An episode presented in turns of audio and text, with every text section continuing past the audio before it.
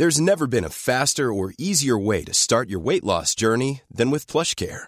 PlushCare accepts most insurance plans and gives you online access to board-certified physicians who can prescribe FDA-approved weight loss medications like Wigovi and Zepbound for those who qualify. Take charge of your health and speak with a board-certified physician about a weight loss plan that's right for you. Get started today at plushcare.com slash weight loss. That's plushcare.com slash weight loss. plushcare.com slash weight loss.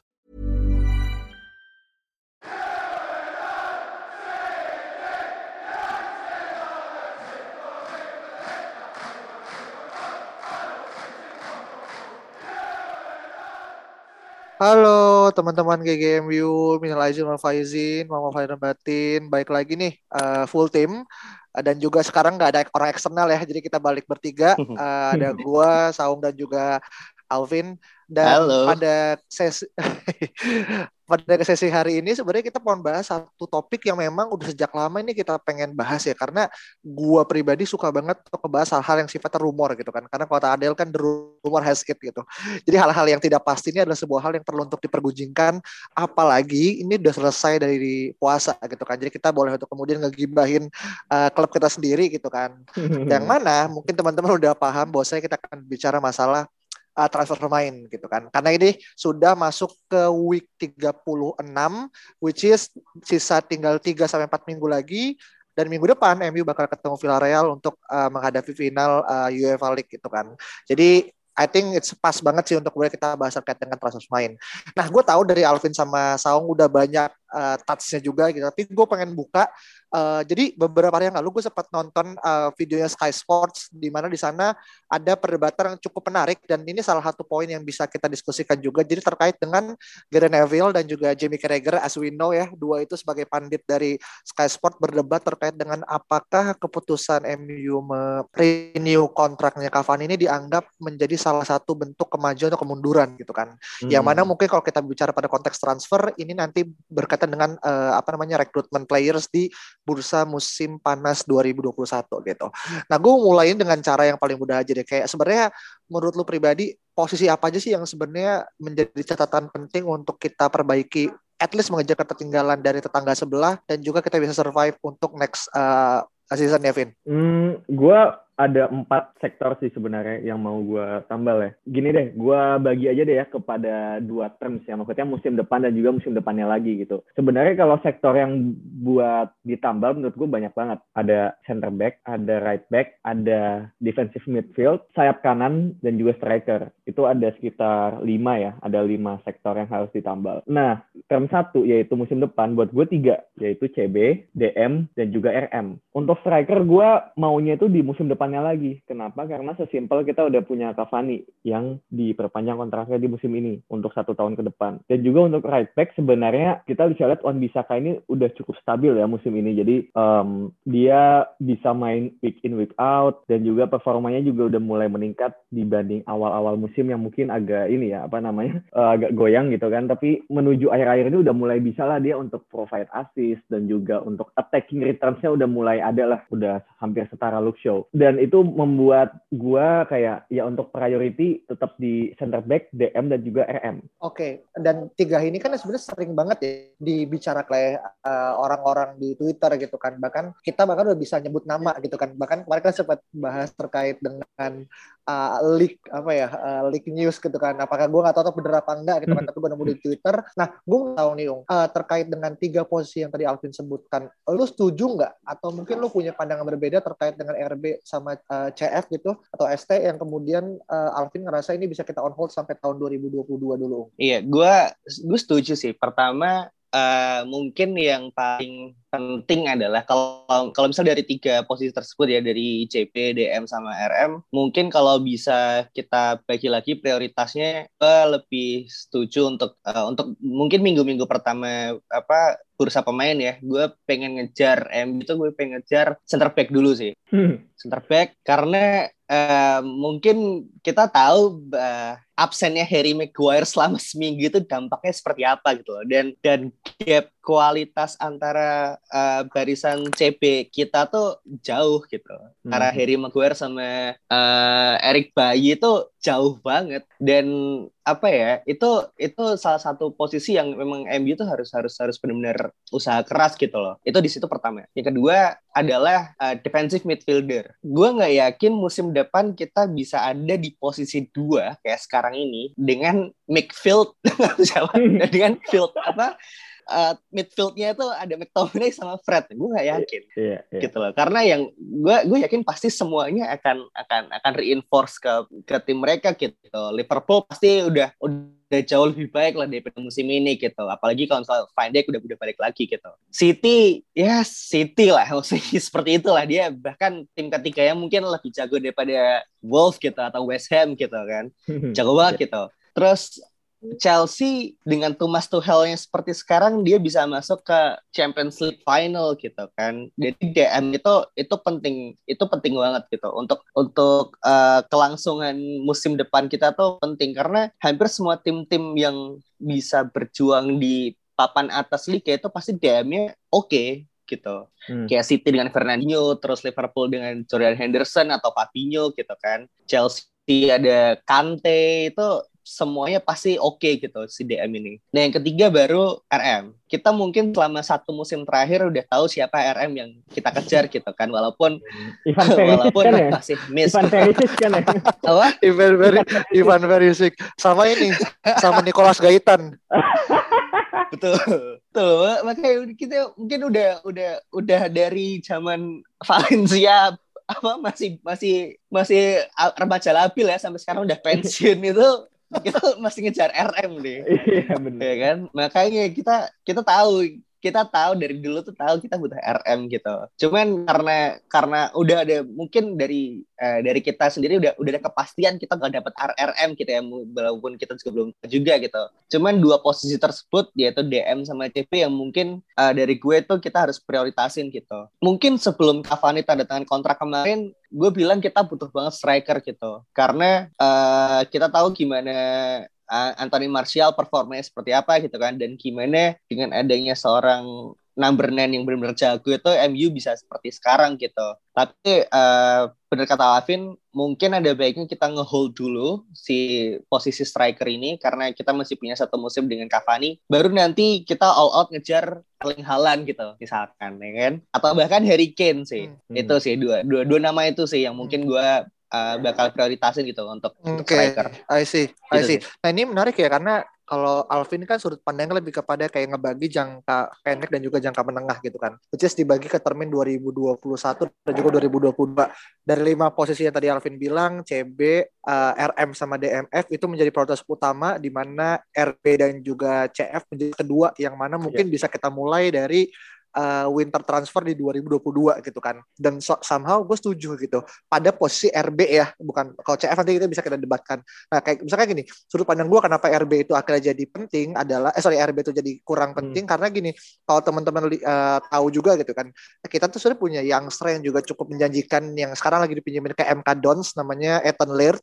Karena hmm. Ethan Laird uh, menurut gue statistiknya cukup menjanjikan ya SNRB dan itu juga udah banyak highlight-highlight sama beberapa akun MU di Twitter juga kan. Dan menurut gue ya, it's not a surprise kalau dia akhirnya kembali sebagai backup plan-nya uh, apa namanya AWB gitu kan. Dengan asumsi mungkin kita akan kehilangan Dalot karena menurut gue sih oleh oleh simple doesn't believe in uh, Dalot gitu kan meskipun menurut gue dia pun di AC Milan juga dapat jam terbang tapi ya mungkin merasa ya oleh nggak suka aja gitu ya makanya mungkin RB posisinya akan coba di backup sama uh, Eternal tersebut gitu. Hmm. Nah kalau ke Saung tadi gue juga akhirnya menangkap gitu kan karena gini sejujurnya kita kan sebenarnya nggak ada koordinasi ya kalau terkait dengan siapa dari lu apa segala macam tapi sama gue ngerasa related banget gitu dengan ada CB, DM dan juga RM yang kemudian Alvin sekarang posisinya lebih kepada jangka menengah dan juga pendek dan kalau Al kalau Saung lebih kepada posisi yang kemudian dianggap sentral untuk kemudian mengejar ketertinggalan dari tim uh, sebelah gitu kan.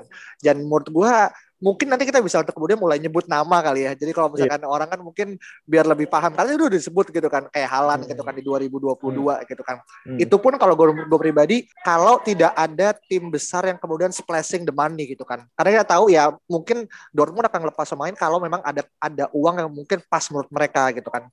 Dan semoga aja memang kalaupun memang Halan sekarang uh, cabut ke sama ke mana, ya kita masih punya backup backup di Harry Kane gitu kan yang mungkin mau menembus satu musim lagi ketika emang kita punya plan uh, ke depannya gitu. Menurut gue tuh sangat masuk banget. Nah sekarang kita mau masuk ke yeah, yeah. Uh, bahasan dari mulai CP lah gitu kan. Uh, jujur dari beberapa minggu ke belakang udah banyak banget nama nih yang muncul kan. Ada let's say Pau Torres, terus juga balik ke Varen yang cuma punya satu sisa satu kontrak musim gitu kan. Belum lagi baru-baru ini kemarin kita disambungkan dengan Sven Botman uh, hmm. apa namanya U23-nya Netherlands yang main di Lille gitu kan. Dan mungkin hmm. masih banyak lagi nah apa namanya mungkin kayak Tyler Mings juga disambung-sambungin gitu kan. Johnny Evans gitu kan kayak comeback ke apa Old Trafford. Nah, menurut hmm. lu pribadi nih kayak um, gimana sih akhirnya kriteria yang lu anggap itu kemudian ideal gitu untuk kemudian menemukan pasangan yang serasi buat Maguire di hmm. belakang karena kita tahu Lindelof sama Bailey simple apa kita nggak bisa count on them lah gitu kita tahu kapasitas mereka seperti apa dan menurut kita pemain seperti Bale dan juga Lindelof mungkin bukan tipe pemain yang in and out players dari main setiap minggu gitu kan nah kalau dari asal sendiri Ung tipe CB seperti apa sih yang kemudian menurut itu fit untuk kemudian mengisi posisi yang bisa di uh, mendampingi Maguire sendiri Ung? Gue sih pengen uh, center back yang fit man fit tuh dalam arti dia bisa mengimbangi intensitas permain si Harry Maguire gitu. Hmm. sama-sama vokal leader juga dan bisa main week in week out gitu. Karena kita oh, tahu Eric Bayi dong ya? Eric Bayi dong uh, Phil Jones sih mungkin. Phil Jones belum kebobolan gol sama sekali ya, Bro. Benar sih. Itu gokil. Benar dia.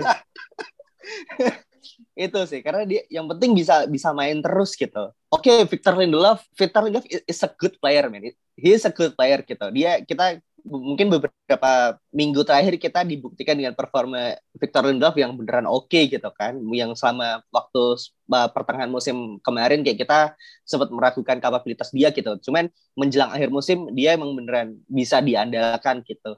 Cuman we I think we still need like a player with higher ceiling gitu yang benar-benar bisa kayak ketika uh, tim setnya keluar itu ada momen of fear gitu dari dari dari musuh kita gitu kan. Dan uh, kalau boleh nyebut nama-nama yang dari dirumorkan tadi gitu misal uh, apa Rafael Varane I think he is he is a perfect player gitu untuk untuk Manchester United ya. Apabila dia fully fit gitu kalau emang dia beneran fit gitu dan bisa main dari minggu ke minggu itu itu benar-benar jadi uh, buat Manchester gitu. Cuman gue uh, gue agak agak ragu dia usia berapa ya Rafael Varane tuh ya sekarang ya? dua sembilan? Dua delapan dua delapan. Dua delapan ya dua dua delapan masih masih peak lah ya. Masih peak peak peak age gitu. Usia usia yang oke okay gitu.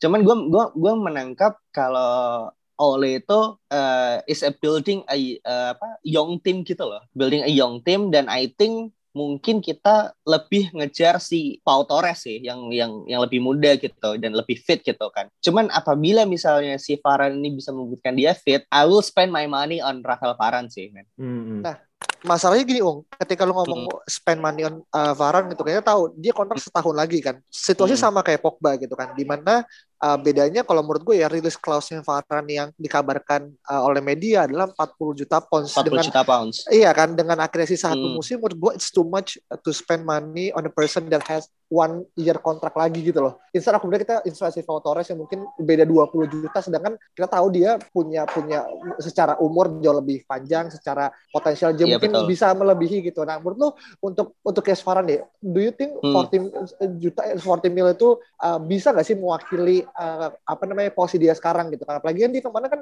juga cedera ya maksudnya correct me if I'm wrong tapi kan sekarang kan mana hmm. menggunakan Eder Militao sama Ramos kan sebagai in and out players gitu. Nah menurut lu yeah. gimana akhirnya menilai angka tersebut? Kalau gue sih uh, I think I believe in friends connection man oke oke. Ya kan? Karena karena gini uh, 40 juta untuk Rafael Varane gitu yang dia he's a serial winner gitu kan. Dia dia menang tiga tiga Champions League gitu in row gitu kan di Perancis uh, juga. di, dia dia dia dia dia Perancis nih. Dan kita hmm. ada satu pemain Prancis mega bintang yang kontraknya udah mau habis. Uh, apabila kita masukin eh gue ada nih satu pemain Prancis jago nih mau masuk ke tim kita nih gitu kan. Kalau itu bisa membuat si Pogba ini stay gue bayar deh. Gitu sih kalau kalau gue ya. Karena uh, kalau kita dapat CP bagus tapi Pogba cabut sama aja men. Sulit juga gitu loh. Jadi uh, midfield kita ini kan fully pack ya, maksudnya penuh gitu. Cuman secara kualitas masih jauh gitu antar satu pemain dengan yang lainnya gitu. Pogba Bruno itu pasti starting. Gue gue gue melenceng ke midfield dulu ya. Uh, Pogba Bruno tuh pasti starting. Cuman McTominay, Fred dan Donny van de Beek gitu itu kan masih masih menjadi pertanyaan gitu loh. Dan apabila dengan kita me, apa membeli Varane gitu bisa memastikan sedikit memastikan bahwa Pogba akan stay mungkin gue akan beli sih Rafael Varane gitu dengan alasan okay. tersebut gitu loh. Berarti berarti yang gue tangkap sebenarnya 40 juta ini sebenarnya kan not only untuk ngebeli Varane doang, tapi kan akhirnya ngebeli semacam kayak trust dari internal player sehingga lu bilang French connection itu kemudian uh, ter, ter, terjadi gitu kan. Misalnya kayak lu 40 yeah. itu gak cuma untuk kemudian spending ke Varane tapi buat nyakirin Pogba kalau oke okay, this is how we trying to keep uh, you as a player gitu kan dan ini membuktikan hmm. ini gue mendatangkan pemain yang lu kenal secara individual dan lu tahu gimana cara main dia gitu gak sih akhirnya Betul. poin lu. I see. Betul. Oke okay, oke okay, oke. Okay. Betul betul. Hmm, Oke, okay, menarik, menarik. Nah, ya, dari gua, Luvin. Gue gue melihat uh, secara realistis ya. Biasanya kita kan dihubungkannya dengan pemain-pemain yang bintang, yang hebat gitu kan. Tapi biasanya kita edap dengan pemain yang berkebalikan gitu. ya kan. Jadi gue gue di sini mencoba untuk eh, nggak uh, mau hmm. terlalu neko-neko sih ya untuk Rafael Varane. Buat gue uh, rumornya ini masih terlalu uh, seumur jagung gitu. Jadi kayak masih rumor yang dibuat oleh media dan segala macam. Oke okay lah. Bahkan gue gua melihat dari transfer market ya itu ternyata market value-nya masih 70 juta gitu. Yang mana ini sih 70 juta mungkin belum dipengaruhi oleh kontraknya masih semusim lagi ya gue masih belum tahu ya. Tapi seandainya benar 70 juta ya itu buat gue terlalu mahal sih. Kayak oke okay lah tadi masih bisa membuat pemain lain bisa uh, bertahan dan juga mungkin leadershipnya pengalaman juaranya. Cuma untuk 70 juta yang cuma beda 10 juta dari Harry Maguire kayaknya ya it's too expensive gitu. Masih ada sektor lain harus ditambal gitu. Buat gue sih kayak gitu ya. Cuma pada akhirnya kayaknya gue lebih memilih kalau benar-benar 70 juta ya gue memilih untuk beli back kiri yang menurut gue archetype-nya itu satu kaki kiri kemudian kedua ball playing dan juga ketiga punya pace gitu. Karena yang kita tahu juga Maguire ini nggak ada pace-nya. Jadi dia butuh backup yang punya pace terutama itu. Dan juga left footed gitu di kiri. Karena Maguire tuh di kiri bagus gitu kan. Tapi akan lebih baik lagi kalau dia di kanan gitu kan.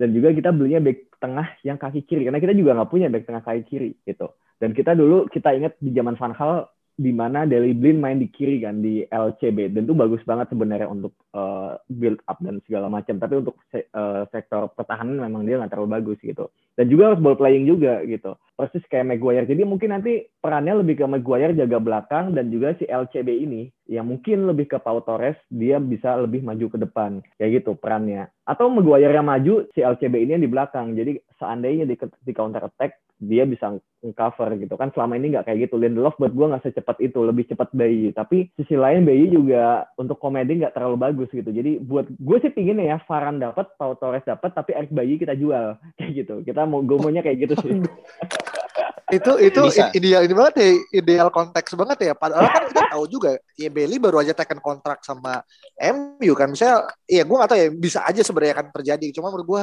itu good to be true ya sorry to say karena iya, ya kita bermain analisis dengan MU yang sering mengecewakan gitu iya iya dengan sebenarnya dengan okay, the okay, okay. of uh, buying the Rafael Varane juga itu udah too good to be true buat gue sih gitu tapi ya ya gitu sih tapi okay, uh, okay, menarik kalau nih. kalau oh, ya. kalau uh, uh, kalau kita mengesampingkan nama-nama yang ada di rumor ya, uh, mengesampingkan Varan, mengesampingkan Pau Torres dan uh, semuanya yang yang udah udah di rumor uh, untuk CP ini, menurut kalian siapa yang CP yang menurut kalian itu kayak perfect nih untuk Manchester United? Selain nama-nama yang ada di uh, rumor tersebut? Ah, kalau iya, kalau, kalau kalian bisa suggest gitu. Iya, maksudnya kita hmm. berbicara masalah market ya, maksudnya hmm.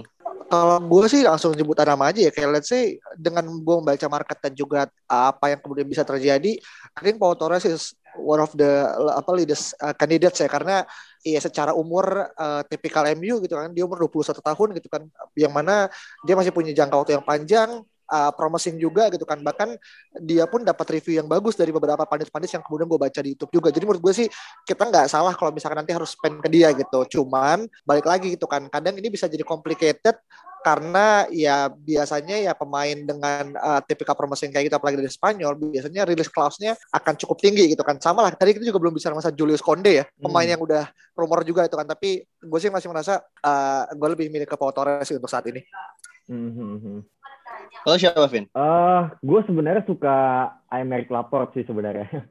Sebelum dia cedera ya. Dia kan kaki, uh. kaki kiri cukup cepat. Dia juga bisa di L, uh. bisa di back kiri eh, kan. Selain selain di LCB dia juga bisa main di back kiri meskipun limited banget uh. gitu. Dan juga dia ditebusnya harganya cukup mahal waktu itu 60 atau 70 uh. juta dari Athletic Club gitu. Dan buat gue tuh apa ya partner yang cocok sih sebenarnya buat Harry Maguire buat gue ya gitu. Ya kalau berandai-andai ya yang tidak mungkin terjadi kan. Oke oke. Dari yeah. lu lu lu stick dengan Varen? Gue enggak sih, gue bukan Varen sih. Gue dari dari musim lalu gue ada satu nama gue pengen banget ke Manchester United. Iya itu Matis Delik tuh. Oh, Matis Delik.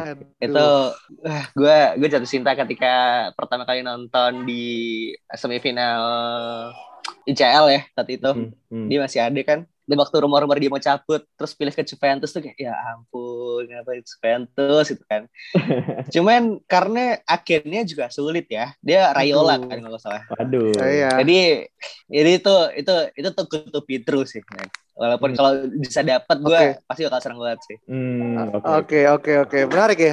Masing-masing dari yeah. kita punya ini ya. Maksudnya ya gue ya maksudnya gue dengan Pau terus juga Alvin dengan Laporte menurut gue sangat tidak mungkin terjadi. Dan ketiga Delik yang masih bisa terjadi kalau memang terjadi swap yeah. antara Pogba dan juga Delik gitu kan. Menurut gue chance-nya masih terbuka gitu untuk yang ketiga sama pertama ya. Tapi kedua, ya. waduh plus 100 juta kali. Kita nambahin plus 100 juta. Kita nambahin 70 dulu kayaknya. Plus 100 juta. Bayi nggak ada harganya.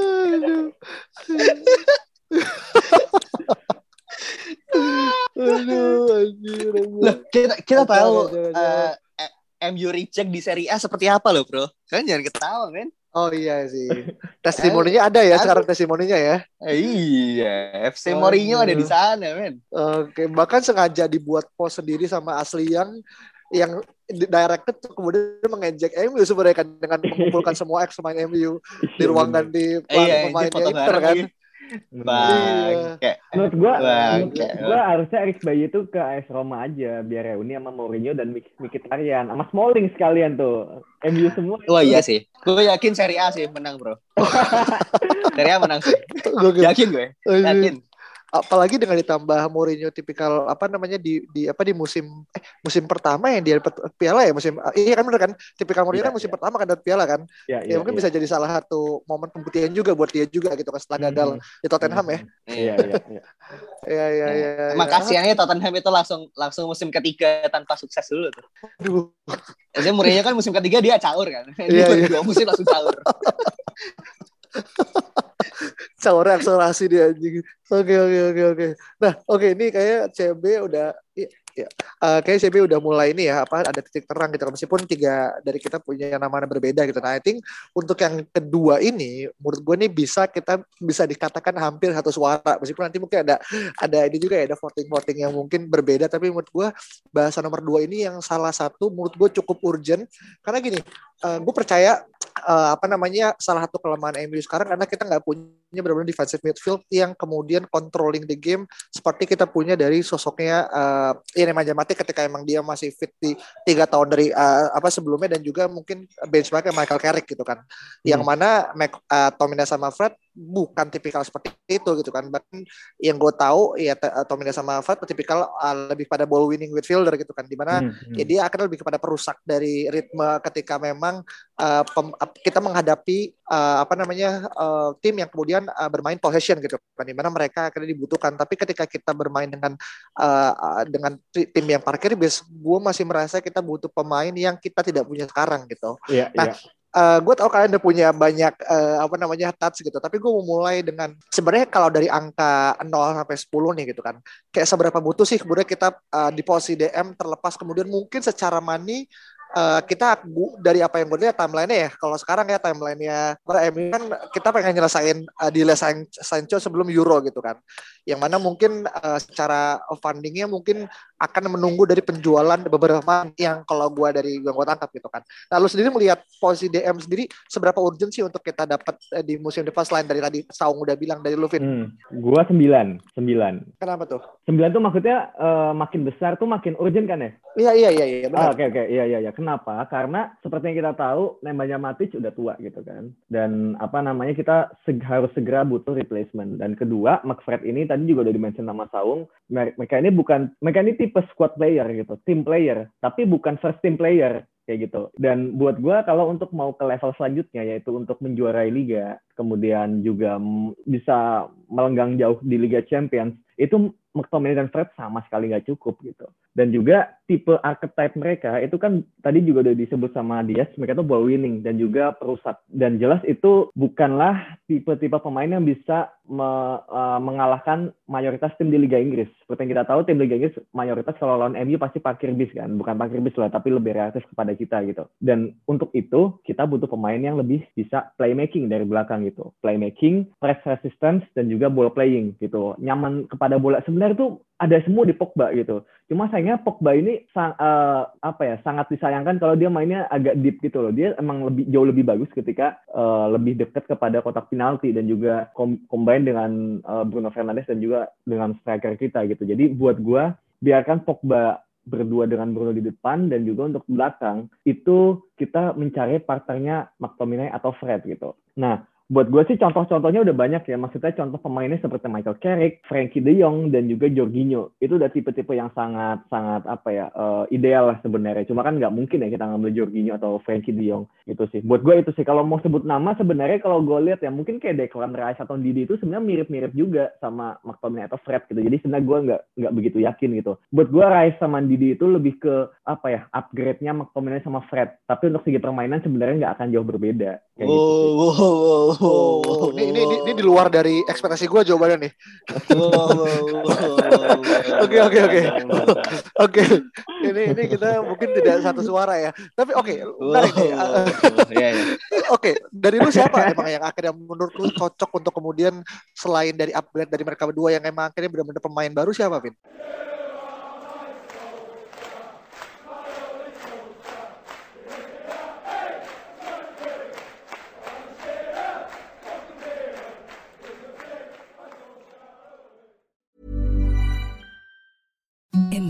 Softest sheets you've ever felt. Now imagine them getting even softer over time. That's what you'll feel with Bowl and Branch's organic cotton sheets. In a recent customer survey, 96% replied that Bowl and Branch sheets get softer with every wash. Start getting your best night's sleep in these sheets that get softer and softer for years to come. Try their sheets with a 30-night guarantee. Plus, get 15% off your first order at bowlandbranch.com. Code BUTTERY. Exclusions apply. See site for details.